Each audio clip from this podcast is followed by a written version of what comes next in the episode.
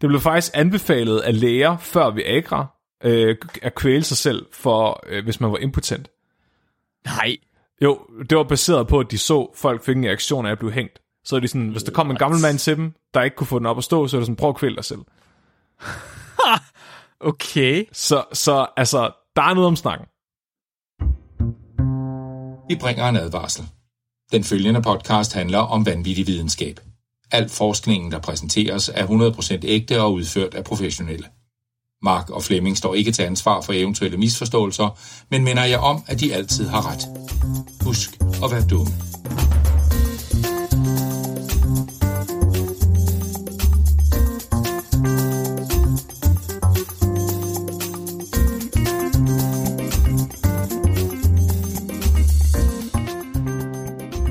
Alle sammen, og hjerteligt velkommen til Videnskabeligt Udfordret, din bro til vanvittig videnskab. Flemming skal snakke om afhugget ting i dag. Ah, næsten, Mark, næsten. Nå, sans. Ikke noget, der er afhugget. Nødvendigvis. Men tæt på. Det bliver et... Øh, det her, det bliver et undskyld, mor. Jeg håber ikke, du hører det her afsnit afsnit. Åh, oh, det glæder mig. Åh, oh, ja, ja, ja, ja, ja, ja, ja, ja. Det er min yndlingsafsnit, Flemming. Hvorfor har vi ikke flere sådan nogle afsnit? Jeg tror, vi har nok, Mark. Jeg tror... Nej, det er jeg ikke sikker på. Altså, det er ikke så længe siden, jeg havde det der med en baby, der fik brændt sin diller af. Så jeg ved jeg føler ikke Er det rigtigt? helt, jeg har gjort op for det med karma endnu, til jeg kan tillade mig at lave det her afsnit. Men du gør det alligevel. Men jeg gør det alligevel. Gør det Jeg alligevel. gør det alligevel. Det er fordi, du ved, hvor glad det gør mig. Ja. Du ved, du kan se på mig, hvordan at, at det bare det stråler ud af mine øjne, når du siger, at du skal i gang med at lave ubehagelige ting. Det, jeg ved ikke om det, det er faktisk fordi, det kommer af, at øh, jeg går i gang med at ordne øh, murværket på min, byg, på mine gamle svinebygninger herhjemme om Ja. ja. aftenen. Og så, øh, så vil jeg gerne lytte til et eller andet imens. Og så er det jo så, jeg havde tænkt mig at prøve med det her med podcast, og lytte til noget podcast. Det lyder fandme Og åndssvagt. jeg har faktisk lidt en mørk hemmelighed, øh, og det er, at jeg har faktisk aldrig rigtig lyttet til podcasts før. Du lytter til vores egen. Jeg ly- er, det, ja, er det ikke rigtigt? Det, altså, jeg tror vidderligt, første gang jeg nogensinde lyttede til en podcast, det var, da jeg hørte vo- vores egen podcast. så er jeg sådan, jeg er sådan begyndt at prøve at høre podcast nu. Mm. Øhm, og det er gået op for mig, hvad det går ud på, og at vi gør det helt forkert, Mark. Gør vi? Ja, ja. Jeg har hørt Third Ear og Mørkeland og alle mulige ting. Prøvet noget forskelligt, og var sådan, hold da op. Vi gør det jo helt forkert. Nu spørger jeg lige, nu stiller jeg lige meget, meget vigtigt spørgsmål. Ja. Kan du lide de podcasts? Vi gør det helt forkert, Mark. Ja, godt. Yes, okay. Så er vi enige. Øhm, jeg har fundet ud af true crime. Mhm. Det er åbenbart, man skal have noget true crime med. Nå. Så jeg, i dag skal vi have et true crime afsnit med videnskab. Og retsmedicinere. Ja, retsmediciner. Ja. Yes! Sådan. Jeg, jeg sad lige og tænkte, jeg, jeg, var, jeg var lige ved at blive bange og sådan noget. Åh oh, nej, Flemming, du skal ikke, vi, kan, det, det er ikke, vi kan ikke gå ind i den forretningsmodel. Det er et sort hul, vi falder ned i. vi kommer aldrig op igen. Vores lyttertal kommer til at spike. Det går slet ikke, og vi kommer aldrig til at komme ud af det igen. Men så længe det er retsmediciner, så er jeg tilfreds. Vi tapper ind i et helt uh, nyt segment af lyttere her ved at gå over i true crime. Ja. De, vores, nej, jeg skulle lige til at sige din mor, men hun lytter allerede. Nej, det gør hun faktisk ikke. Gør hun ikke det? Jeg tror, Så kan det være, hun... jeg tror være, ikke, hun har hørt podcasten siden havde spækbrættet. Men jeg vil sige, der er ret god sandsynlighed for, at hun hørte det her afsnit. Fordi det her afsnit kommer jo efter vores live show i København. Mhm. Og jeg ved, hun har lidt dårlig samvittighed over, at hun ikke kom til nogen af vores live shows. Uh, Så jeg okay. tror måske, hun hører det afsnit. Og så tror jeg måske, der er god sandsynlighed for, at hun lader det køre videre, og hun så hører det her. Ja, ja, ja, ja, ja, ja. Og vi måden finde ud af det på, det er, hvis hun skriver til mig på Messenger og siger, ja, Flemming, jeg hører faktisk jeres podcast, undskyld. Og så, ja. så jeg vil gerne starte med at sige, undskyld mor, fordi jeg lige outede dig der, og fordi det her afsnit er meget grotesk. Øh, jeg vil gerne sige undskyld til mine øjne, og for øh, er jeg nødt til at brænde den, når jeg er færdig med at kigge på det her talepapir, og undskyld til min browserhistorik, som højst sandsynligt vil få mig i fængsel, hvis jeg ikke husker at slette den. Jeg glæder mig så inderligt meget, Flemming. Lad os gå i gang. Mark, kender du skuespilleren David Carradine? Nej. David Carradine er faktisk en af de her OG Hollywood superstjerner. Han er, øh, jeg tror, du kender ham. Har du set Kill Bill? Ja. Ham, der spiller Bill i Kill Bill. Nå, Ham med det lange okay. hår. Ja, Det er David Carradine. okay. Måske er der ikke så mange af vores lyttere, der kender ham for andet end Kill Bill, inklusiv os.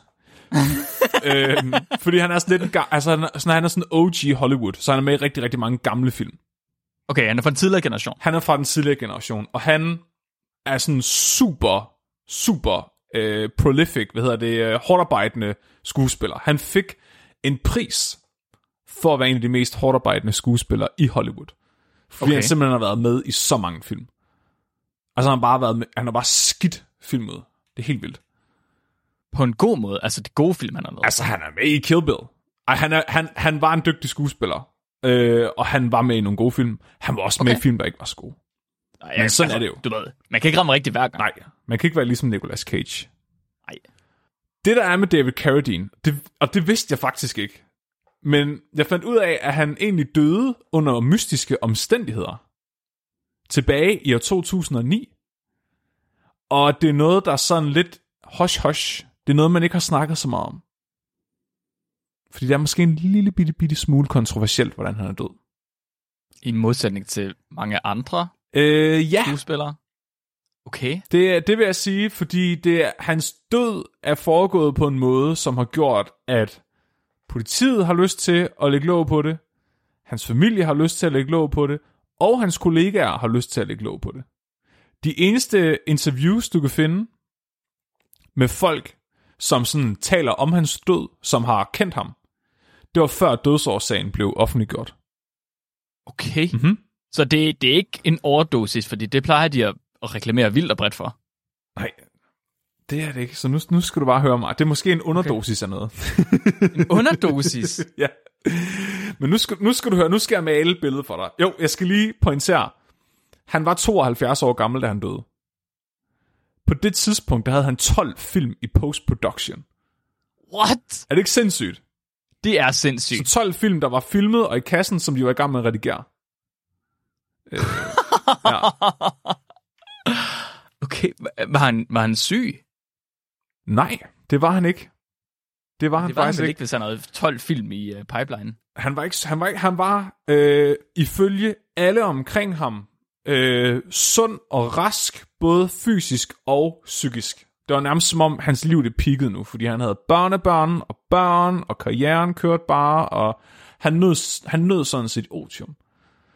Jeg tænker på, i dag, der skal vi til bunds i den her morgåde. Som højst sandsynligt ikke er et mor, eller er det? Hvordan døde han? Mark, hvad går det her ud på? Vi er nødt til at bruge mm. vores videnskabshjerner til at undersøge det, for at vi kan give ham en naturlig afslutning. Ligesom i Ghost Whisperer, hvor de går ind i lyset. Mm, mm-hmm, yes. Okay, nu var det en syg reference? oh, jeg, jeg kunne godt lide Jennifer Love Hewitt. ja. det var en god serie. Ja. Nå. Nu kan jeg vist ikke øh, danse som grøn længere. Nu skal du høre, hvordan David Carradine han døde. Eller hvad vi ved om hans død. Mr. Carradine var i gang med at filme en film, der hed Stretch. Noget af den her film, den skulle filmes i Thailand. Så i sammenhæng med, at de skulle filme i Thailand, der skulle han til Bangkok. Så den 31. maj 2009, der ankommer David Carradine til Bangkok på et hotel. De første dage med filmoptagelserne i Bangkok, de går gnidningsfrit. Indtil den 3. juni. Her der har han aftalt med sin assistent og flere af de andre ansatte på øh, filmsættet, at de skulle spise aftensmad sammen. Men han dukker aldrig op, og de står ligesom og venter på ham.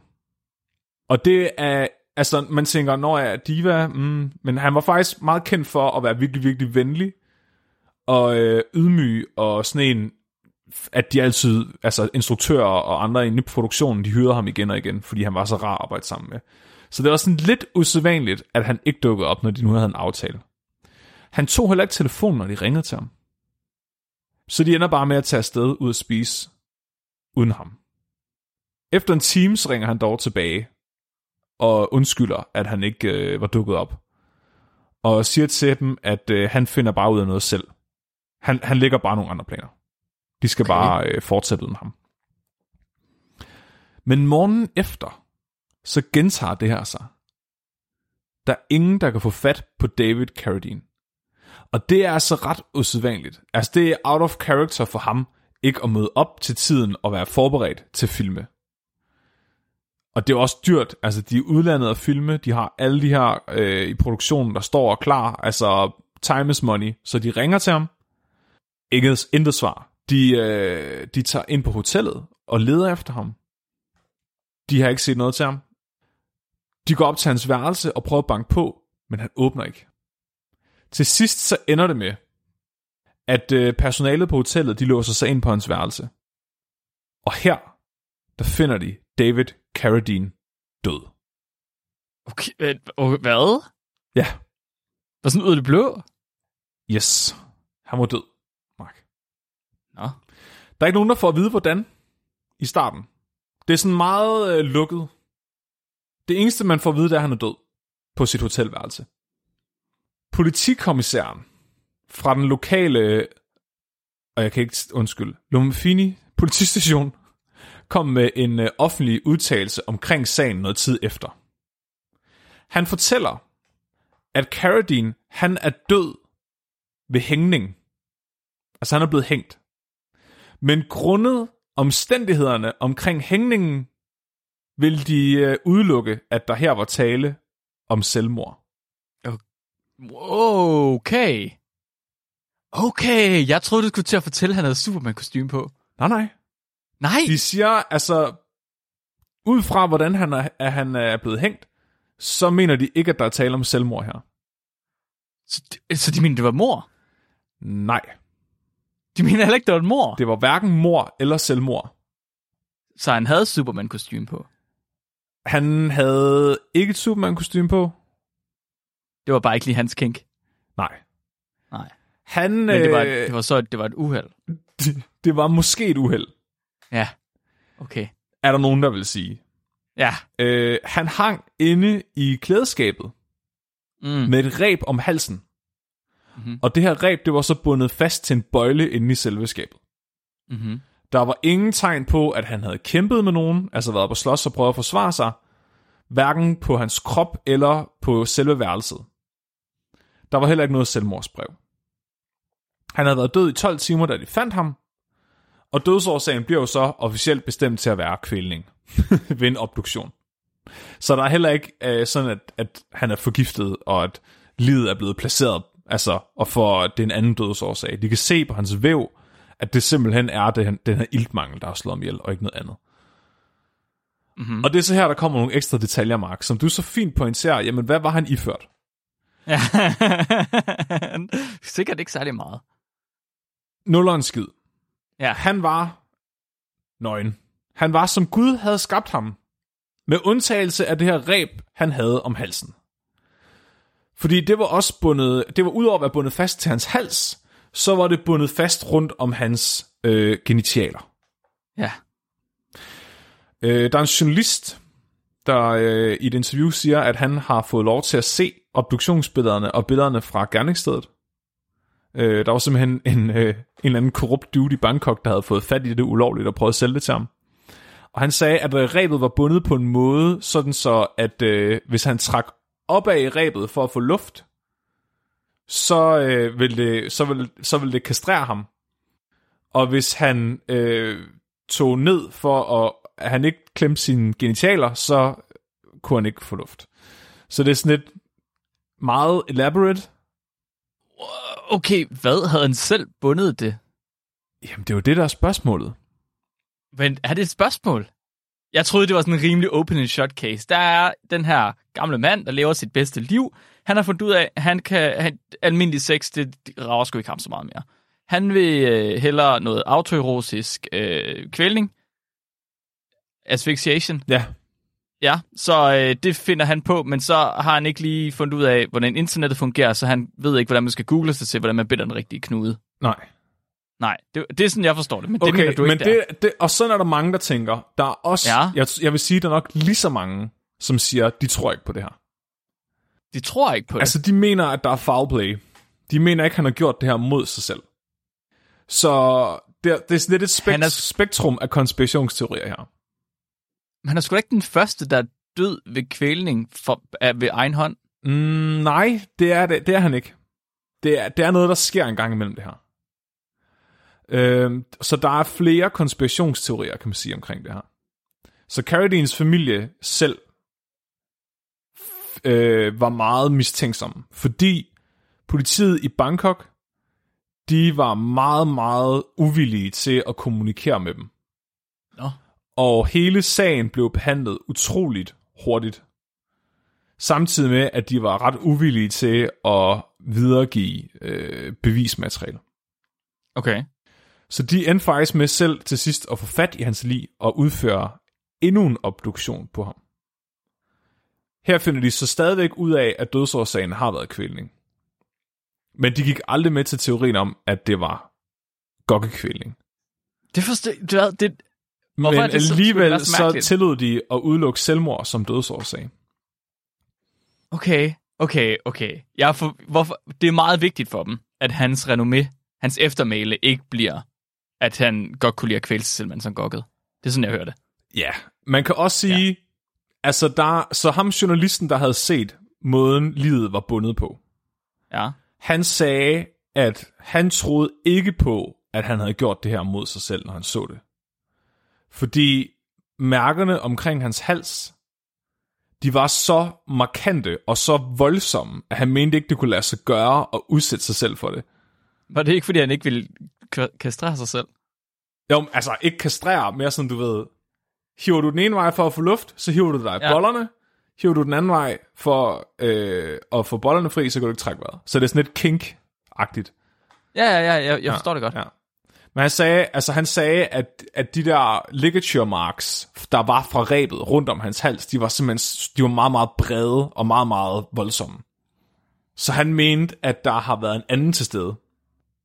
Okay. Der går faktisk rygter om, at han øh, havde erhvervet sig det er en af de her sådan, thailandske shemales på sit hotelværelse den aften. Okay. Men det er egentlig der, hvor historien omkring hans død slutter. Og det synes jeg er lidt utilfredsstillende. Ja. Fordi både familien og de her journalister og hans kollegaer, de tror jo selvfølgelig ikke på, at søde, gamle morfar David Carradine på 72 år har gjort det her mod sig selv. Jeg tænker, vi kunne bruge videnskaben til at vurdere, hvor plausibelt er det, at han har gjort det mod sig selv, versus hvor plausibelt er det, at der er nogen, der har gjort det mod ham. Okay. Okay, okay, okay, okay. Er der tale om, at han har hængt inde i det her klædeskab for at tilfredsstille sig selv, og så gået lidt for langt og død af det? Eller er der nogen, der har slået ham ihjel? Enten i sammenhæng med at have leget med ham, eller øh, simpelthen prøvet at skjule, øh, at de har slået ham ihjel ved at få det til at ligne et uheld. Så spørgsmålet er jo, er det virkelig så fedt at kvæle sig selv, mens man gokker? Hvor sandsynligt er det i forhold til hans profil, hans person, øh, den befolkningsgruppe, han tilhører, hvor sandsynligt er det så at dø af det her? Og der jeg fundet videnskabelige artikler, som jeg tænker, vi skal gennemgå, for at vi ligesom kan finde ud af, om David Carradine har gokket sig selv ihjel. Har du tænkt dig at diskutere udfaldet af den her, den her dødsårssag, baseret på videnskabelig litteratur? Ja. Det er så smukt. Det er noget af det mest poetiske, jeg nogensinde har hørt. Tak. Det er præcis det, som samtlige af mine vejledere, de ville have sagt. Nå jamen, er det noget, som nogen kunne have fundet på at gøre før? Er, det, er der ligesom belæg for det i litteraturen? Ja, præcis. Ja. Er der belæg for det her i litteraturen, Mark? tak. Kan, var- okay, fedt. Det kan jeg godt lide. Så dit første spørgsmål, det er, er- kan folk overhovedet lide at øh, kvæle sig selv, mens de gokker? Ja. Er det, var det rigtigt? Ja. Eller er det bare en skrøne? Men det kan ikke være en skrøne. Det kan ikke være en skrøne. Der er så meget Hollywood, der, der viser folk, der hænger sig selv i skabet. fordi at de gokker. Er der det? Er der ikke det? Der er virkelig meget Hollywood, der gør det, men jeg ved ikke, om der er det i virkeligheden. Men det kan også bare være, at det er sådan en urban myth. Det har jeg aldrig tænkt over. Jeg havde bare taget det som, som almen fact, at det er noget, folk de gør. Jeg ved det ikke. Jo, du gør. Du sidder med diktaturen. Nå, ja, ja, om jeg tænker mere på, at jeg kvæler ikke mig selv, mens jeg gokker. Nå, nej, det, nej okay. jeg er svært nok ved at trække vejret i forvejen, altså det er fandme... Nej, så øh, jeg vil gerne starte med at sige tak til Christian for at sende den her første artikel ind til os. Vi skal simpelthen helt tilbage til 1700-tallet for at undersøge David Carradines død. Fordi det her med, og øh, det, det har et navn. Det her med at kvæle sig selv, mens man onanerer. Det hedder autoerotisk asphyxiation. Så autoerotisk kvælning. Og autoerotisk er mit nye yndlingsord. Så det betyder, du tilfredsstiller dig selv. Onani. Der er, øh, Christian har indsendt en, øh, et videnskabeligt tidsskrift fra 1876, hvor øh, Dr. M. Hubert, han, øh, han simpelthen laver også en læserbrev omkring det her med kvælning og øh, onani og erektion og så videre. Fordi helt tilbage til 1700-tallet, der har det været kendt blandt læger, at når folk bliver hængt, så får de en erektion. Huh. I mange tilfælde. Huh. Og der er så meget frem og tilbage om, hvorvidt det her passer eller ej. Og der er det så, han skriver det her brev. Han skriver, Vedrørende ejakulering af sæd blandt personer, som hænges. Basper og andre har kastet tvivl på dette fænomen. Hubert, efter at have dokumenteret ejakuleringen af sæd under epileptiske anfald, som han korrelerede med åndenød, har vist, at disse, at dette også hænder blandt personer, som hænges eller kvæles på anden vis. Sæden forbliver ofte i urinrøret og er sjældent udskilt helt. Åh oh, nej. Åh oh, nej. Når det er 1800-tallet, så ved man bare, at der er en, der har undersøgt det ved at skære tidsmænd op. Ja. Så, så basically siger han, ja, folk, der bliver hængt, får stivdolk af det. Og de kommer højst sandsynligt også. Og det ved vi, fordi folk, der har epilepsi, der ikke kan trække vejret, det sker også for dem imens, at de har åndedrætsnød. Så bare det her med ikke at kunne få luft, er åbenbart nok til i hvert fald at skabe en reaktion i nogle mennesker. Det er faktisk interessant. Ved man hvorfor? Øh, ikke helt. Der er meget, det er sådan lidt uvist. Jeg har nogle, der er nogle, der er nogle, øh, der er nogle læger, der er kommet med deres forslag til, hvad det kunne være. Ja. Det har et navn, øh, et medicinsk navn. Det hedder en death erection. Okay. Så folk, der bliver hængt, får ofte det, der hedder en death erection, hvor de simpelthen får stiv dolk, efter de er blevet hængt. Men eh, det, som ikke bare rigor mortis? Nej, nej, altså det, rigor mortis, det er jo musklerne, der bliver stive.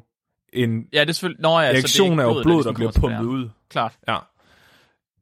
På dansk, der tænker jeg, det hedder en dødstiller. Mm. Ja. Dødstolk.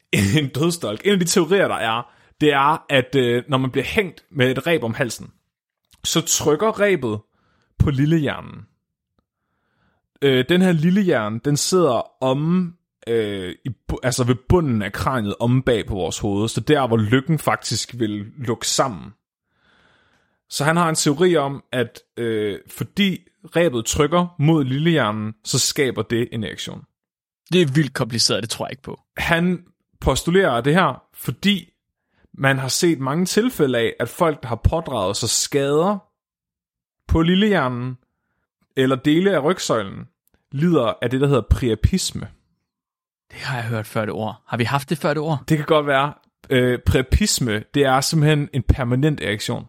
Ja, okay. Det tror jeg måske, vi har haft før. Ja, det er en erektion, der kan vare i adskillige timer. Når de får en skade på lillehjernen. Ja. Eller skader på rygsøjlen. Og de her reaktioner, de kan være så langvarige og så voldsomme, at de kræver altså operationer for at få erektionen ned igen. Så der skal simpelthen medicinsk indgreb til, for at få den til at, at slappe lidt af. Mm. Og det er simpelthen fordi blodet ikke cirkulerer rundt ude i øh, javertusen. Så der kommer simpelthen vævsskader, hvis at blodet får lov til at ligge derude mere end fire timer. Du skal ringe til din læge, hvis Viagra virker i længere end fire timer. Ja, og hvis der er gået fire timer, så er det allerede begyndt at blive for sent. Er det rigtigt? Ja. Jeg tror... Nå, okay. Så tre timer, så kan man lige nå at blive hentet. Tre timer. Øh, der er et review, et review, en review-artikel fra 2006, der undersøger det her både på dyr og på menneskestudier, altså hvor det ligesom gennemgår medicinske cases, for ligesom at prøve at identificere, hvilken del af hjernen, der står for erektionen, altså hvilken del af hjernen fortæller javertusen, at den skal sige vlup. Og øh, de finder ud af, som alle andre hjerneforskere altid finder ud af, at det er blandet.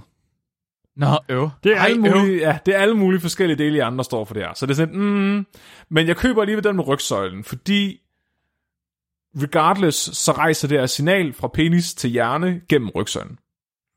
True. Ja, men igen, det forklarer, hvad kan man sige, ikke iltmangel som værende årsagen. Det forklarer selve øh, den mekaniske skade, der er ved hjernen og rygsøjlen. Det forklarer ikke iltmangeldelen. Altså, Og det var fordi, han mente, at når man blev, fik bundet en lykke, sat en lykke rundt om halsen, Mhm. at så var øh, knuden, den var lige ved lille hjernen, og Ja. den ville presse på og lave en skade. Ja.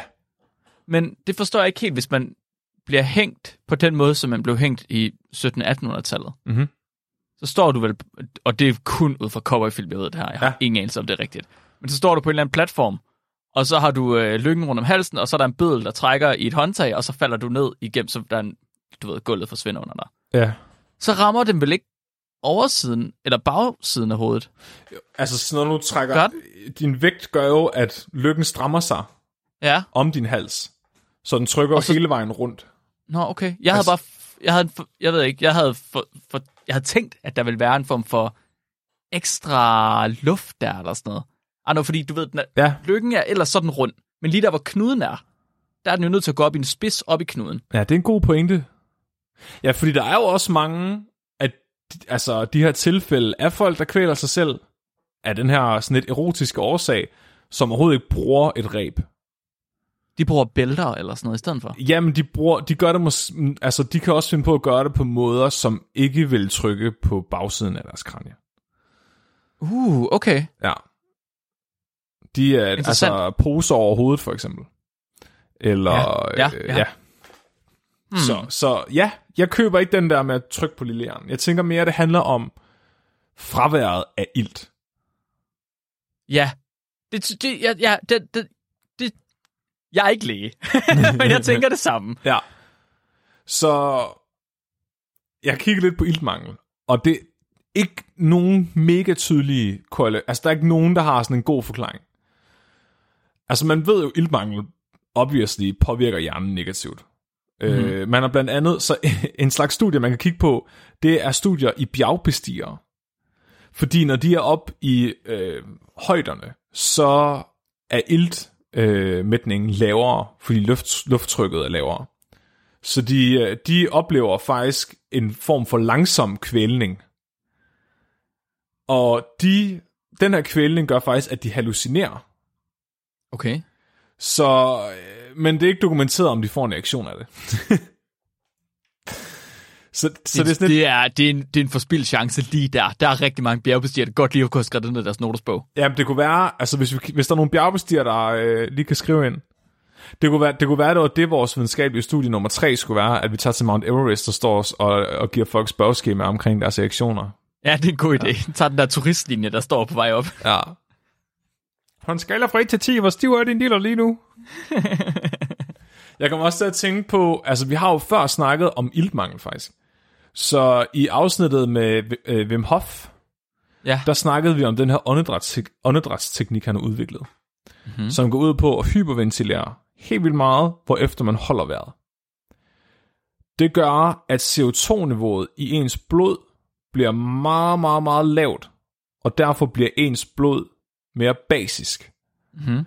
Og når man så holder vejret, så stiger CO2-niveauet i blodet, fordi ilten bliver brugt. Og så øh, bliver ens blod mere surt.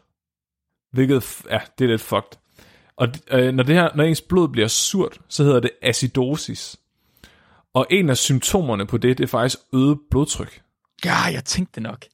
Så jeg tænkte med det samme, hmm, kan vide, om det er det, der giver lidt chubang til tissejaverten, at ens blodtryk det lige stiger, fordi øh, kroppen tænker, fuck, fuck, fuck, fuck, der er ikke noget ild i mit blod, jeg prøver at pumpe det mm-hmm. hurtigt rundt.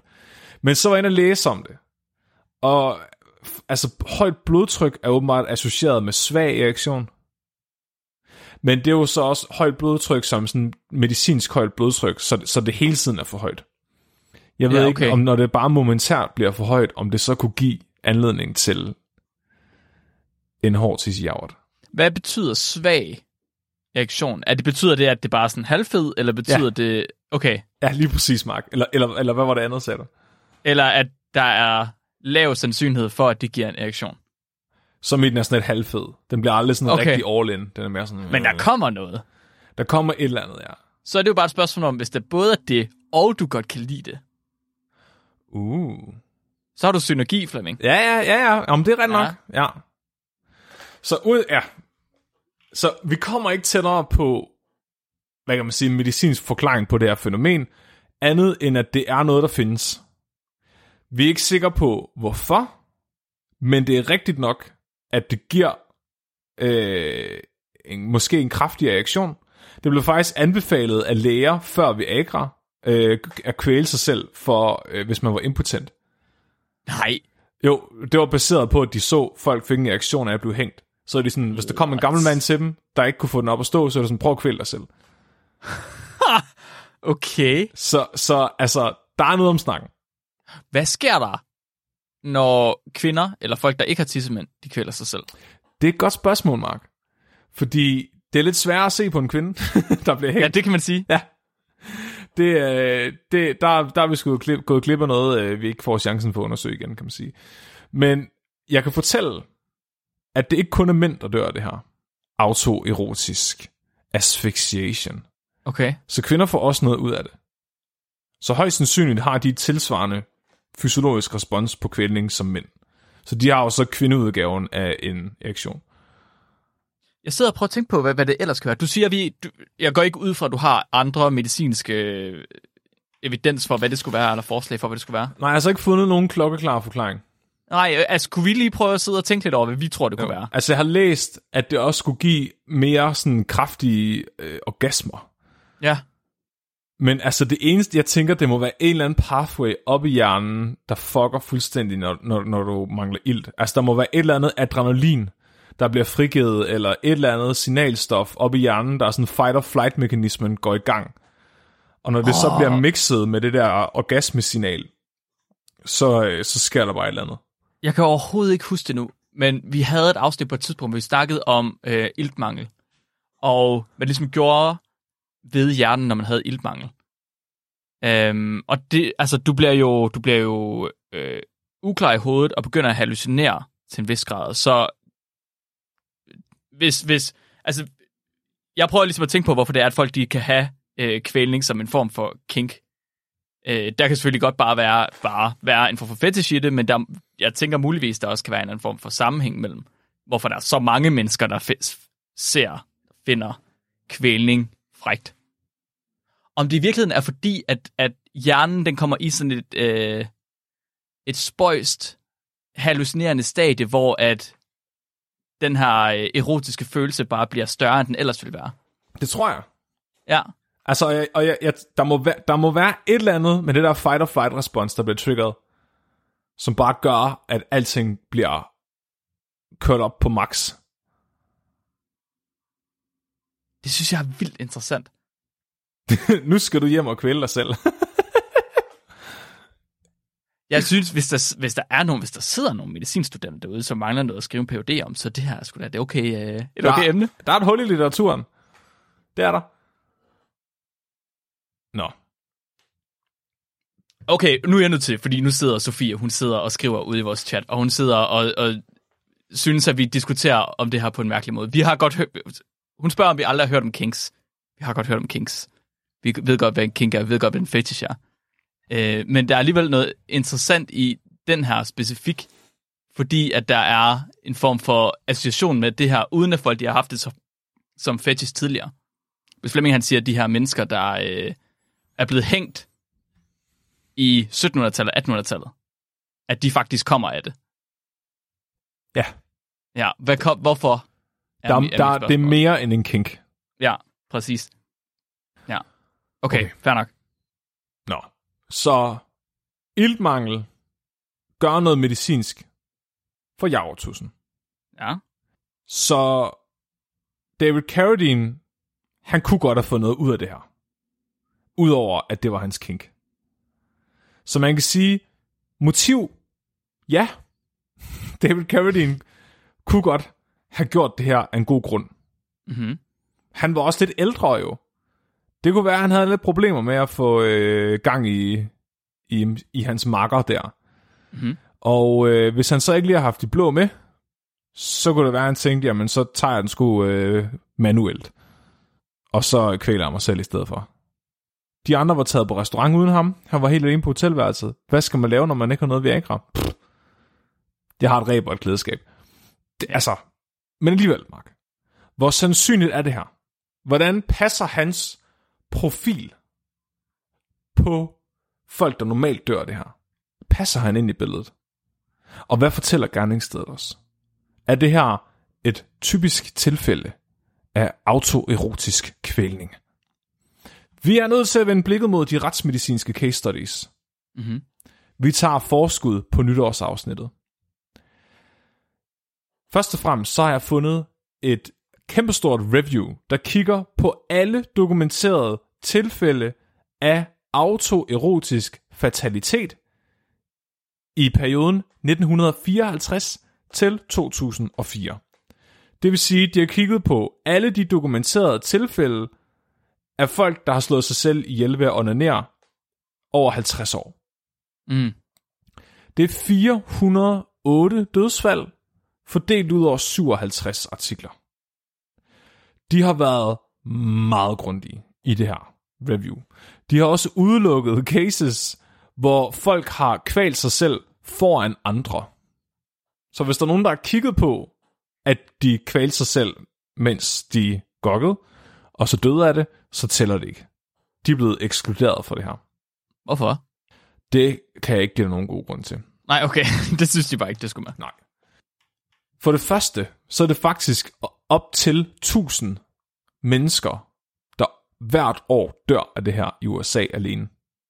Det er 1000 mennesker, der ved et uheld kvæler sig selv til døde, mens de onanerer. Så det er en ting.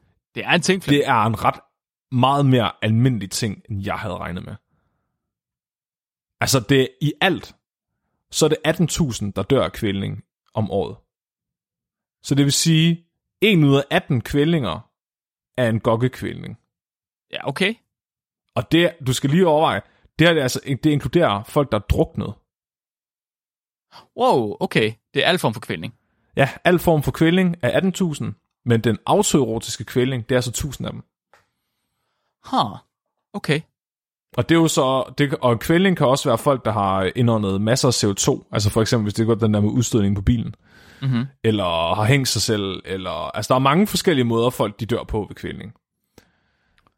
Så Ja, det, det er faktisk... okay, det, må det, det, Ja. er mange, det er også nogle flere, end jeg havde regnet med, i Ja. virkeligheden. Ja, så det er Jeg- faktisk... jeg Altså, det er faktisk ret almindeligt, at folk de dør af at kvæle sig selv, mens de gokker. Og det vilde det er, at de mener, at det her tal er langt højere i virkeligheden. Fordi rigtig mange af tilfældene bliver ikke noteret med autoerotisk kvælning. Det bliver bare noteret som kvælning. For eksempel ligesom David.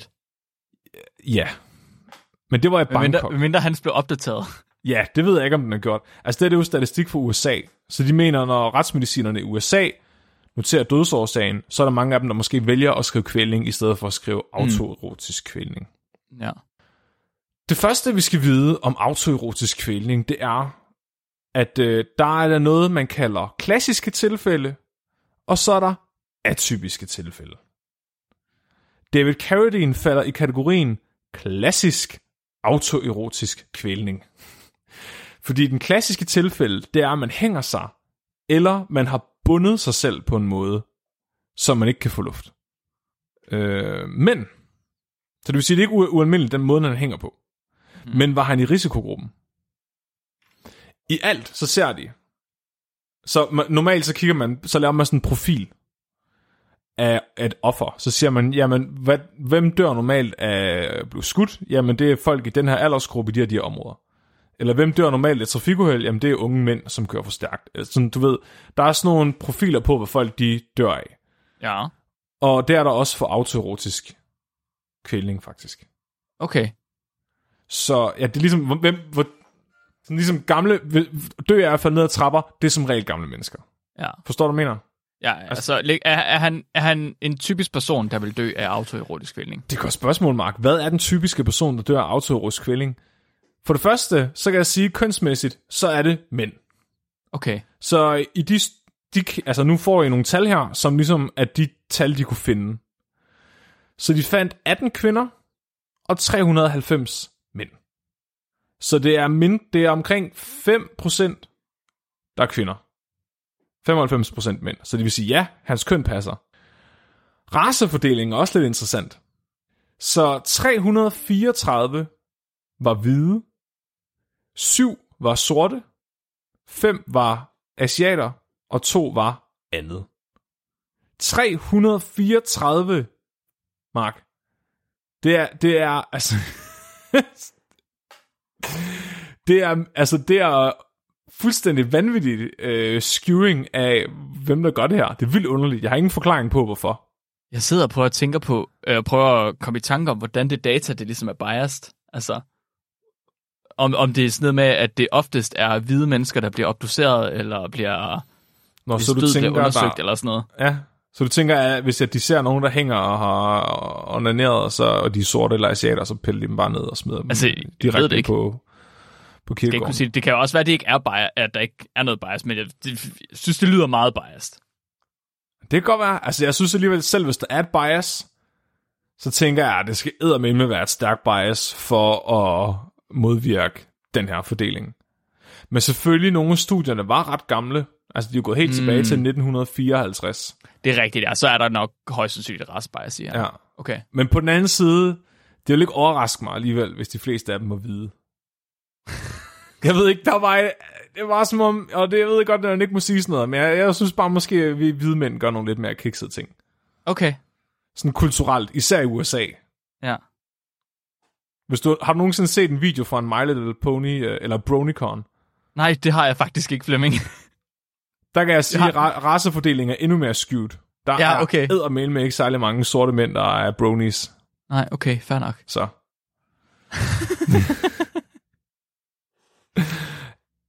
så hans øh, race passer også.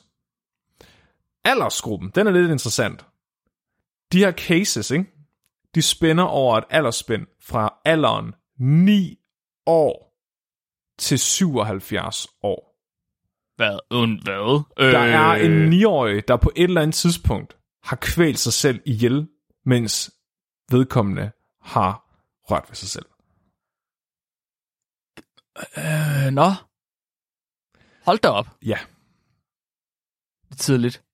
Så man kan sige, det er ikke umuligt. Han var 72, ikke? så han ligger i toppen af, øh, af, af fordelingen. Ikke? Altså de, de ældste, de så, var 77. Men det er faktisk kun det mindre end 1% af dem, der dør af det her, der er over 65. Nå, hold da op. Langt, Hvor, hvor Ja. ligger medianen? den ligger omkring 30. Wow, okay, fair. Langt, langt, langt, langt, langt, langt størstedelen, de er omkring 30. Jeg kan bare se. Så man skal helst være en hvid mand i 30'erne for at dø af det her. Eller man skal passe på med at have ræb i nærheden, Nej, okay. hvis man er en hvid mand stærk- i 30'erne. Ja. Det er en stærk risikofaktor. Jeg har lige et år tilbage, inden jeg skal fjerne alle ræb og, fra mit klædeskab. Ja, det, det bliver nødvendigt, Flemming. Så man kan sige, det passer ikke så godt. Hans alder taler lidt imod, at han selv har gjort det. Så er det gerningsstedet. Man finder oftest, at folk har gjort det her i døråbninger. Så 187 ud af de 201 cases er folk, der har gjort det i døråbninger. De mest sjældne steder, det her det foregår, øh, det er blandt andet øh, udenfor, Ja, de det kunne jeg forestille mig. De fandt 17 ud af 201 tilfælde, hvor folk øh, havde gjort det udendørs. Og så skriver de bare sådan øh, i flæng, for eksempel i en skov eller på en legeplads. Nej, nu kæft. Jeg forestiller mig bare, altså sådan en, en horrorfilm. Åh oh, nej, de kvæler sig selv og går overalt. de kan aldrig Ej, være sikre nogen steder. Stakkels dem, der har fundet dem. Shit. Ja. Mest almindeligt er det, øh, altså i forhold til rum i huset, så er det som regel soveværelset. Men, så, og så lister de de mest atypiske steder, hvor n er lige med 1. Det er for eksempel hotelværelser. Okay.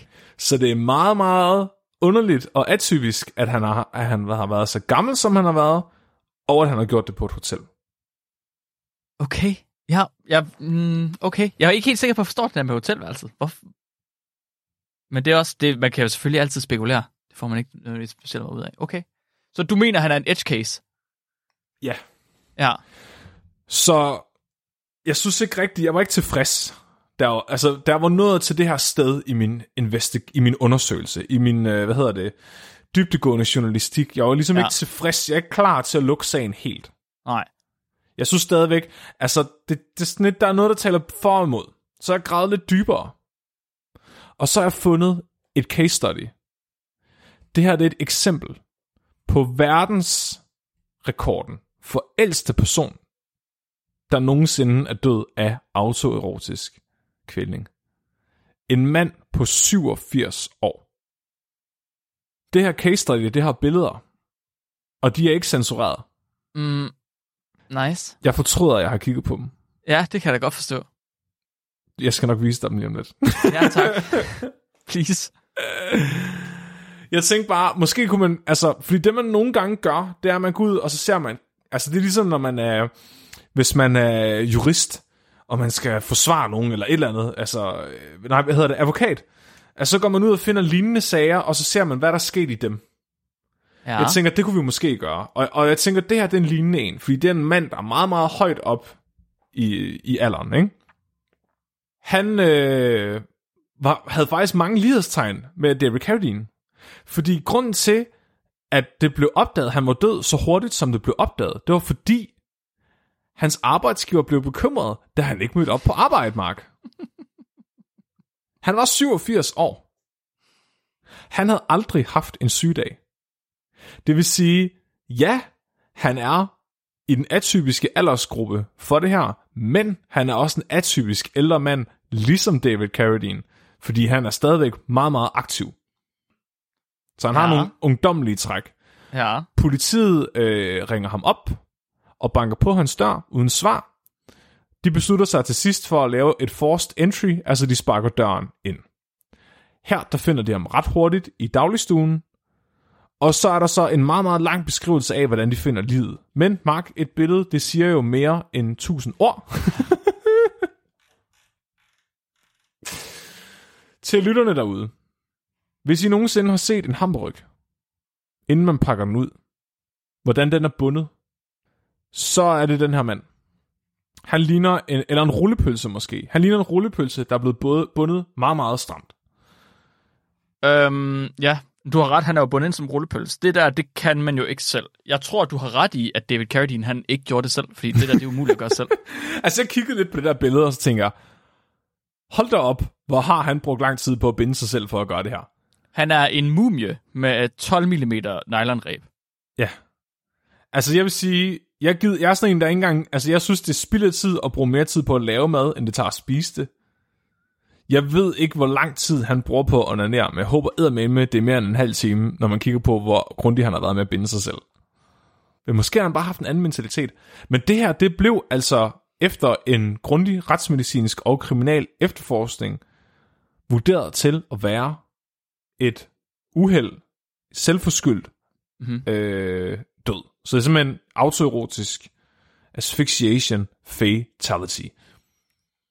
Hvor meget skal man deltage som øh, person ved siden af, før at man har noget at skulle, før man eller har ligesom har skyld i det? Hvis du ikke hjælper ham ned, tænker jeg. Okay, ja, fair nok. jeg kan, men jeg kan også godt forstå, hvis man ikke har lyst til at røre ved ham. Fordi hvis man får, hvis man får bundet, det var sygt sagt, hvis man får bundet sådan en fiskenet til, til en person, øhm, men uden at det nødvendigvis er det, der kvæler en, hvis han så tager fiskenettet forkert på, så er det vel ikke din skyld. Nej, nej, men du, du har jo ikke hjulpet. Der, altså, der, det er jo ulovligt at se nogen være i nød, uden at hjælpe dem. Ja, det er selvfølgelig rigtigt, men hvis du har ligesom lavet... Jeg kan godt se, at man kommer selvfølgelig ikke i fængsel at have lavet morvåbnet. Eller man er ikke sk- skyldig at have lavet morvåbnet. Er det ikke uh, second uh, degree murder i USA? Hvis Man har lavet er, mordvåbnet. hvis det, er u, hvis det er sådan en ufors, hvad hedder det? Ikke overlagt mor. I guess. det er i hvert fald... Han er gået op i det her med. Ja. Det er der ingen tvivl om. Ja, det har han. Altså jeg vil sige, efter at have læst den her case, og efter at have kigget på, hvad den normale gruppe er, så vil jeg sige, jeg tror faktisk, at David Carradine, han har øh, gjort det her mod sig selv. Det kan godt være, at hans alder taler imod, men det faktum, at han øh, har været en atypisk ældre person, altså der har, der har været meget aktiv på arbejdsmarkedet og sådan noget, det synes jeg egentlig passer meget godt med den anden case her. Altså, de ligner hinanden ret meget. Hvad er din mening, Mark? Ja, øh, jeg synes, at du øh, tolker på den her statistik meget, meget, meget løst, Flemming. Det vil jeg sige. Hvad? Jeg synes ikke, du, ja, der er meget lidt øh, rigor i din, i din tolkning her. Du ser normalfordeling. Jeg hører dig se en normalfordeling. Du ser en median i den normalfordeling. Ja. Han ligger ikke inde i den median. Nej. Han ligger udenfor. Ja. Det kan ikke passe. Det kan ikke lade sig gøre, Flemming. Statistisk set er det umuligt. Uh, Det så er du, sådan, jeg har lært statistik. du tror simpelthen, at David Carradine er blevet slået ihjel? Han ligger udenfor. Jeg tror også, ham den sidste, har sendt, han er blevet slået ihjel.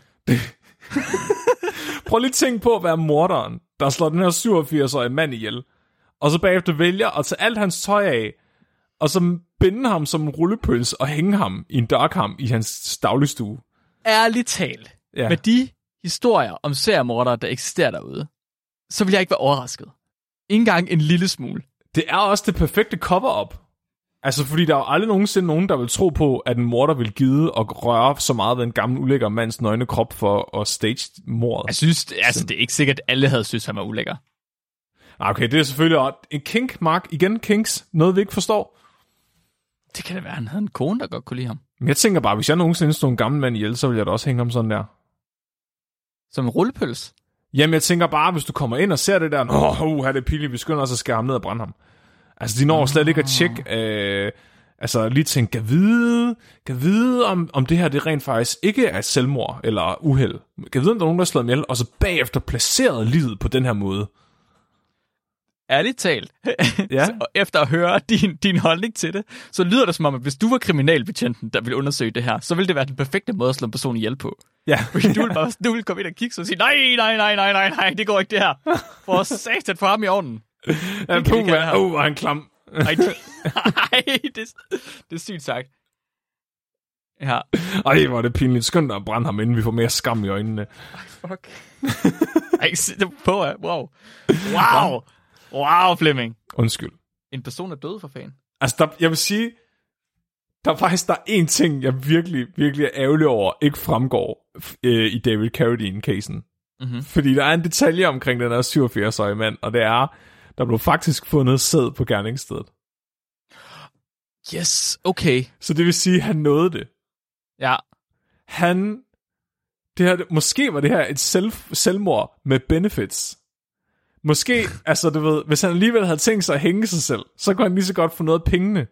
Det er lidt ligesom at drikke lava. Du kan kun gøre det én gang. Du ved, han har ikke kun fået kvælningsoplevelsen. Han har også fået det her tryk mod lillehjernen. ja.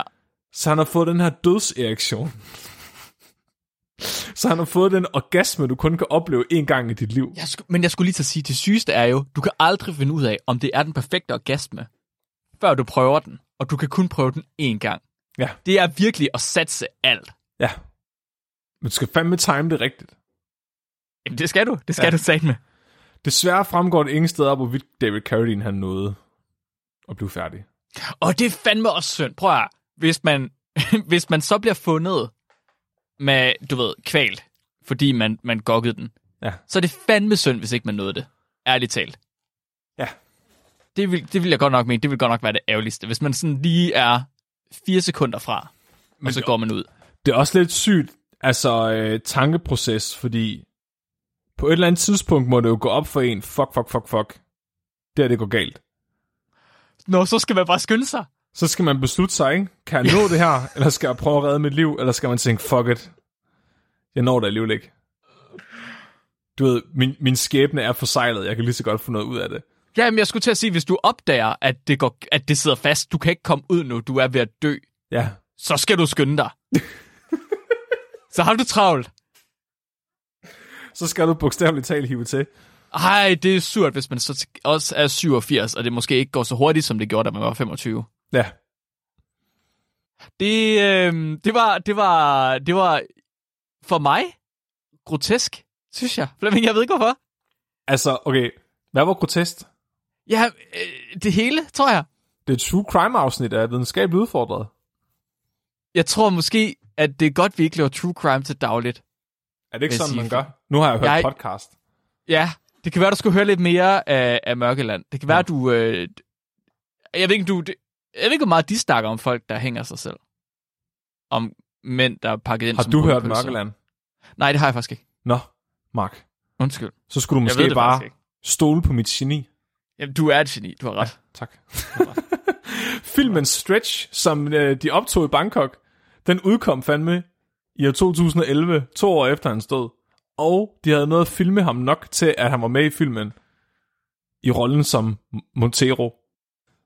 Så det vil sige, hvis du nogensinde har lyst til at se den film, som David Carradine han døde undervejs i, så, øh, så, øh, så er den derude. Øh, den har 4,6 stjerner på IMDb, hvilket stadigvæk er 0,6 stjerner mere end det sidste afsnit af Game of Thrones. Hans sidste film, den udkom i år 2017. 8 What? år efter han døde. Ja, han havde jo 12 film i post-production. Jo, jo. Ja. Hvad var det for en film? Var den god? Ingen anelse. Nej, okay. Ingen anelse. Jeg har kun set Kill Bill. Mark. Tror du, undskyld, tror du den her mand, der har været Hollywood-stjerne, og har været, fundet en pris for at være en af de mest produktive Hollywood-stjerner, han nogensinde havde troet, at han ville blive en del af to millennials øh, podcast om fjollet videnskab, der skulle fortælle ham, hvordan han gokkede sig selv ihjel. Er det ikke målet for alles liv? At, men ja, det var, det var mit næste spørgsmål. Er det et eftermæl, man gerne vil have? Men jeg kan så høre på dig, det er det. Det er det eftermæl, man vil have. Jeg regner med, når jeg dør, så laver du et afsnit af podcasten, der handler om min død. Jamen, det er jo fordi, du dør på en sindssyg måde. Det håber jeg. Du bliver jo enten hakket i eller høns, eller der er et træ, der vælter ned over dig, og så prøver du selv at løfte op, og så falder det ned over dig igen, eller så bliver du spist af en bjørn, eller sådan noget. Altså, det, jeg håber, jeg dør på en måde, sådan, så der kommer et retsmedicinsk case study ud af det. Det gør der, det kan ikke andet. Der, når folk de finder dig, så er de sådan, så stor kan man ikke være. Hvad sker der? Ja, Han er hævet over alt. jeg tænker mere, hvis jeg nu alligevel ved, at jeg skal dø eller andet, så skal jeg bare skynde mig at begynde at onanere imens. Fordi så er det sådan, hold da op, det er en atypisk autoerotisk fatalitet, det her. Tror du, der er folk, der har gjort det? Det ved jeg, altså, nu har Hvis jeg nu, man var den mest, hvis nu man var den mest kyniske person i hele verden, så det var bare, bare ens plan for, man, når man skulle dø, så kunne man lave den sygeste død på den måde. Altså, det, ja, så kunne du jo godt være øh, case study lige pludselig, ikke? Fordi, når et trafikuheld, ej, hvor kedeligt. Autoerotisk fatalt biluheld. Uh, kan jeg vide, om det er personen er king for at dø i trafikken?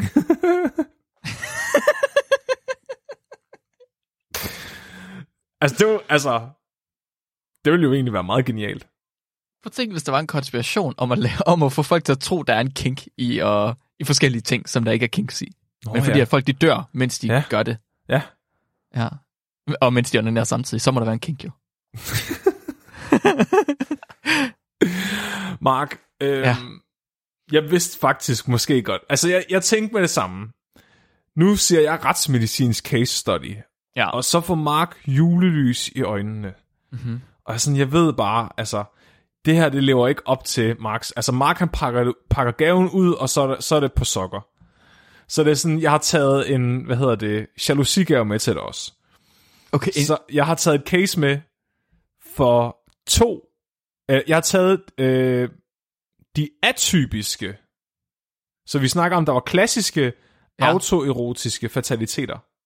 ja. Der er noget, der hedder atypiske autoerotiske faciliteter ved asphyxiation. Så det, det, er folk, ikke øh, kommer ind for middelværdien. ja, så det er. Ja. folk, der er blevet kvalt på måder, man normalt ikke ser ved onani. Mm-hmm. I 1993, der var der en 62-årig mand, der blev fundet død i sin lade.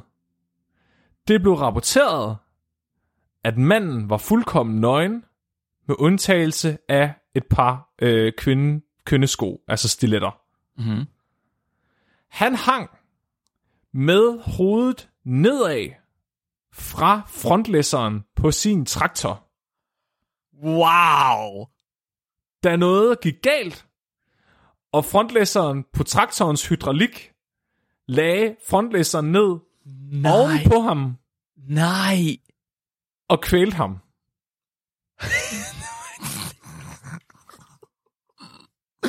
Det er kun, det er kun den her podcast, hvor man kan, kan have det sjovt af folk, der dør. Hvor er det fucked up.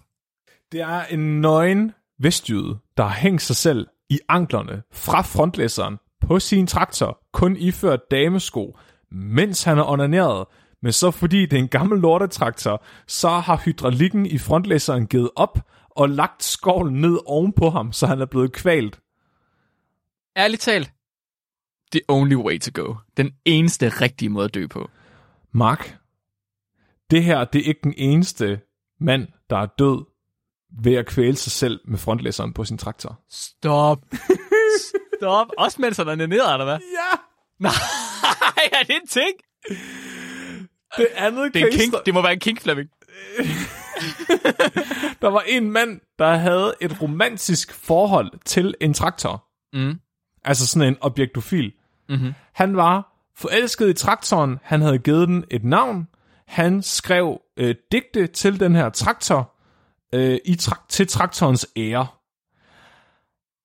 Han døde uintentionelt ved at kvæle sig selv. Da, da han, da han brugte frontlæseren på sin traktor til at øh, kvæle sig selv erotisk.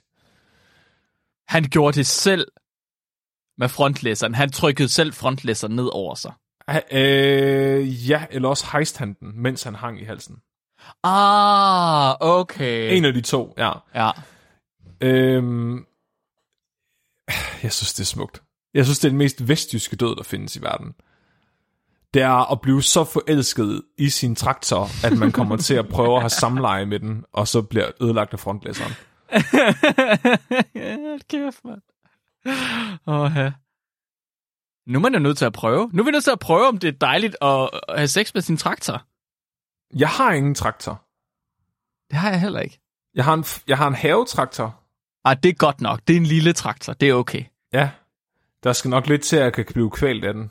Alle traktorer en havetraktor for dig, Flemming. Er det det? Ja. Nå. Mark, det var, øh, hvad jeg havde til dig. Jeg håber, at du kunne lide True Crime videnskabeligt udfordret. Øh, jeg, jeg vil sige, nu synes jeg synes, det er prøvet, Flemming. Øhm, og så synes jeg, at øh, vi skal lade true crime være ved dem, der laver true crime. Det er godt. Vi prøver igen, øh, kan ja. jeg høre, øh, indtil jeg rammer rigtigt. Okay, yes, det, ja. Hvad, den næste, skal den, skal den også handle om onani? Det er onani og en anden form for død. Øh, jeg det er kan, faktisk, for Flemming, der er true crime, det er ikke det at dø, det er det med at onanere. det er en forbrydelse mod menneskeligheden, der foregår noget seksuelt her. Men jeg får også udforsket, hvad det er, jeg kan tåle at tale om, og hvad det er, jeg ikke kan tåle at tale om i forhold til det her. Det er faktisk, det er jo rigtigt, men du har aldrig haft noget problem, når det er menneskelige kønsdel. Eller det er menneskelige, ma- mandlige kønsdel. Nej, jeg tror ikke, det har så meget at gøre med, om det er mandligt eller kvindeligt. Jeg tror mere, det er, hvor morbidt og øh, åndssvagt det er. Okay, ja. Hvis det kommer for tæt på virkeligheden, så skal det bare væk. ja, fair nok. Jamen, tak, Flemming. Altså, jeg, jeg sidder her og er, er målløs. Jeg er imponeret over, at det er det, det danske podcastmarked, det er. Jeg er også imponeret over, at man kan tjene så mange penge på det, som man kan. Ærligt talt, hvis man kan det, skal vi så, så kan vi lige så godt bare fortsætte. Det skulle meget sjovt. Så øh, til alle øh, jer, der øh, har venner, der også hører podcasts, som ikke gider at høre den her podcast, fordi de kun hører True Crime, I kan bare sige til dem, at det her afsnit det er fuldstændig ligesom Mørkeland. og så send dem herover. En til en, bare uden reklamerne. Ja, ja. Ja. øh, Flemming, skal vi øh, ikke lige tage et lytterspørgsmål? Jo. Jo. Vi har et lytterspørgsmål med i dag fra Felix, og Felix han har skrevet ind og spurgt, hvor kraftig skal vinden være, før man ikke kan gå i en lige linje mere? Okay, det er et interessant spørgsmål. Fordi jeg tænker med det samme. Ja, ja, vinden kan være kraftig. Mm. Men jeg tror, det har mere indflydelse på, hvor selv hvor kraftig man er. Ha. Hvor kraftig skal man være, for at vinden ikke har indflydelse på ens evne til at gå? Det er nødt til at være relativt. Ja. Så du er nødt til at regne det ud per kilo kropsvægt. Tror du, det er en lineær sammenhæng? Eller er det eksponentielt? Ja, det er virkelig et godt spørgsmål. Ja. Ja. Nej, uh, hmm, hmm, Så hvis du nu er øh, x antal enheder tykkere, kan du så modstå den samme x antal enheder vindmodstand? Sådan, Men så hvis- du, ja. ja. Fordi ved des, des øh, mere du vejer, det større bliver din øh, dit overflade også, hvor vinden kan tage fat. Mm. Men det er jo i den der the, the square øh, law. Ja. Så det betyder, at du bliver jo hurtigere og tungere, end du får overflade. Ja. Så det er i virkeligheden, des mere vægt du tager på, des nemmere, altså eksponentielt nemmere har du ved at modstå vinden. Uh, så det er en eksponentiel sammenhæng. Fordi, ja, fordi at din vægt, din masse, den kommer til at betyde mere i forhold til dit areal, end for en person, der øh, vejer mindre. Så i forhold til, hvor kraftig vinden skal være, for at man har gangbesvær, så er det, den, den skal være meget, meget kraftig, hvis man selv er kraftig. Ja, ja, ja, ja, ja præcis. Det er også godt nu med global opvarmning og mere ekstremt vejr, at øh, fedmen, altså epidemien, er, er så stor, så kan man sige, så det blæser vi ikke væk. Det kan være, det bliver ligesom den der ø, med de der fireben, der er bedre til at sidde fast, Mm-hmm. at der bliver selekteret for tykke mennesker. Fuck, jeg skulle lige til at sige selektion. Flemming. Ja. det er fordi, alle, alle, alle dem, der ikke er tunge nok til at kunne stå imod, de bliver bare blæst væk. Ja, de falder Ud i havet. Ja, de falder ud med dig. havet. De bliver til ål. De flyder ud i Bermuda-trekanten og bliver til guldål. Det er rigtigt. Åh, oh, kæft, det er godt set, Flemming. Det er virkelig, Ja. virkelig godt set. Hvor er det uhyggeligt, vi tænker så ens. Shit, mand. Så det er ikke et spørgsmål om, hvor kraftig vinden er, fordi der skal nok være en vind, der kan skubbe alle væk. Det er et spørgsmål om, hvor kraftig du er. Ja, Kan du stå imod den her vind? ja. Ja. Oh, okay, okay, okay, okay, okay, okay, okay, okay, okay. Hvis man så har... Hvis man nu siger, at vi har en masse. En person, der har en masse. Mm. Min masse, for eksempel mig. Jeg er ikke så høj, og jeg vejer ikke så meget. Hvor meget vind skal der til for at blæse mig omkuld? Hvor meget, hvordan måler man vind? Ja, Er det noget med, hvor, er det noget med newton, kilonewton tryk per overflade kvadratmeter eller et eller andet? det, det ligesom lyder at tage en, rigtigt. det er ligesom at tage en badevægt og vinde den på siden. Det lyder rigtigt, og det lyder klogt, og det lyder som noget, nogen kunne sige i en YouTube-video, og så vil jeg bare æde det. Ja, okay. Så jeg tænker, ja. hvor meget skal der til bare for generelt at skubbe dig, for at du vælter, ikke? Ja. Kunne, hvis en femårig nu løb ind i dig alt, hvad den her femårige kunne, og du ikke opdagede øh, på forhånd, at den her femårige kom. ja. Ej, måske vidste du godt på forhånd, den her femårige kom. Fordi du ved jo også godt, det blæser udenfor, inden du går ud. Så hvis du nu kommer en femårig og, og tyrer ind i dig, vil du så vælte? Ja, vil man ikke det? Nej, og så dog.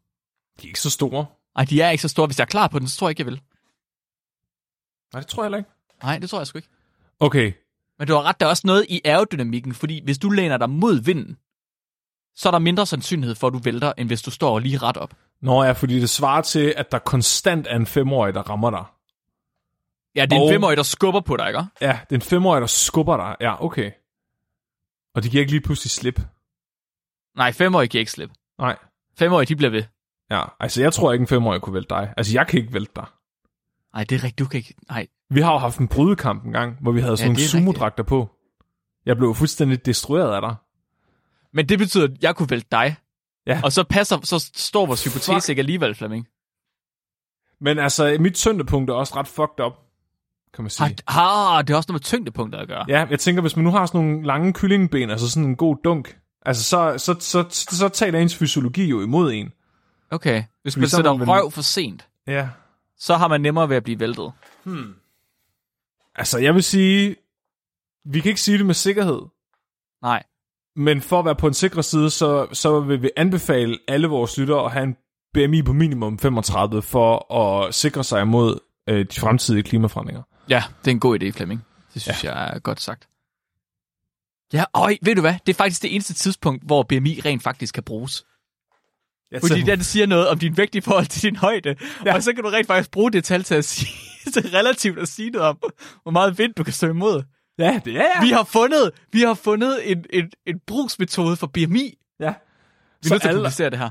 Ja, ja, alle er sådan, om BMI, det må tage ikke for højde for muskler. Nej, nej, men det er fandme godt til vindmodstand. Ja, det er jo lige meget. Det er Ja. lige meget, fordi det tager højde for vindmodstand. Ja. Jeg vil med det, Flemming. Jeg vil med det. det, det er sådan, når lægen begynder at regne ens BMI ud og siger, at de er bekymrede og sådan noget på grund af din BMI, så jamen, det er ikke for at tabe dig, for, for dit helbred og fedt og sådan noget. det er sådan, ej, jeg er fandme bange for, at du blæser væk nu. Du er virkelig i risiko for at blæse væk nu. I må aldrig nogensinde glemme efteråret 2025, hvor alle, da, alle danskere med en BMI på øh, 19 eller derunder, de forsvandt ud i Vesterhavet. De fløj bare ind i den der nye vindmøllepark, de er i gang med her at, at, at lave og, og blev blendet. Åh, oh, ja. Det var en, så var der nye artikler. Nye uh, retsmedicinske ja. artikler til Mark og Flemming. Tak for spørgsmålet, Felix. Jeg håber, du uh, synes, svaret var brugbart. Flemming. Flemmo. Glemmo. Mm. Blemmo. Hvad skal folk gøre? Ja, det er et godt spørgsmål. Ved du, hvad folk Altså- de skal gøre? Nej. Ved du hvad, vi har simpelthen nogle af, de, nogle af verdens flotteste plakater inde på vores webshop. Uh. Og der er ikke nok mennesker i Danmark, der ejer de plakater. Og jeg synes, det er en, en skam. En kæmpe skam. Line og Jeanette har begge to tegnet nogle sindssyge designs. Vi har Santiago, der kigger på en og tager noter. Og vi har mig og Flemming, der bliver swirlet rundt i kolber af en forskningsrotte. Man er nødt til at eje de her plakater her. Så jeg synes, at man skal gå ind, og så skal man man skal gå ind på webshoppen, som er øh, bit.ly-vu shop, og så skal man købe sig en plakat. Lige om lidt, så flytter jeg, og så får jeg et nyt kontor, og så skal jeg have en af hver som minimum. Det var også en af hver. Så må du købe en af hver, Flemming. Okay. Hallo, ærligt talt. Køb en plakat og send den til mig. Ja. en god idé. Jamen, næste uges afsnit, det bliver vel så vores liveshow fra Aalborg. Nej, det er ugen efter... Er det ikke det? Nej, det, er... Det kommer an på, om vi optager et efter det her jo. det gør vi. Det gør vi. Okay, ja. Ja, det gør vi. Så vi optager et efter det her, og så ugen efter bliver det Aalborg Live Show. Ved du, hvad det skal handle om så? Nej, Jamen, jeg det bliver, ja, det bliver en, øh, det bliver en overraskelse. Ja. Det bliver en overraskelse. Fordi at, ja, planlægning Hvis I gerne vil hjælpe mig... Nej, det er nok for sent, når det her afsnit udkommer. Med, Med at hjælpe dig. når at med, skrive, øh, hvad afsnittet skulle handle om. nå, ja, det er nok, desværre. Jeg finder ud af det. Det bliver et godt afsnit, det lover jeg. Det lover jeg. Godt, Flemming. Jeg, jeg tror ikke, jeg har ret meget mere, vi kan snakke om lige nu. Nej. Skal vi Ja. ikke bare tage dagens dyrfakt? Jo, for satan da. Dagens dyrfakt er sendt ind af Christian. Og Christian han har skrevet ind, at der findes en art af skildpadde, der hedder The Big-Headed Turtle. Og The Big-Headed Turtle, den har et hoved, der er for stort til, den kan gemme det i sin skal. Fuck, det er sjovt. det er ligesom, jeg ikke kan lukke mine bukser. Ja, eller putte din lillefinger op i næsen. Mark! det er ikke sjovt. Det er faktisk Åh, et handicap. Ja, det er et handicap. Mit navn er Mark, Jeg er Flemming. og du er blevet videnskabeligt udfordret. Husk at være dum.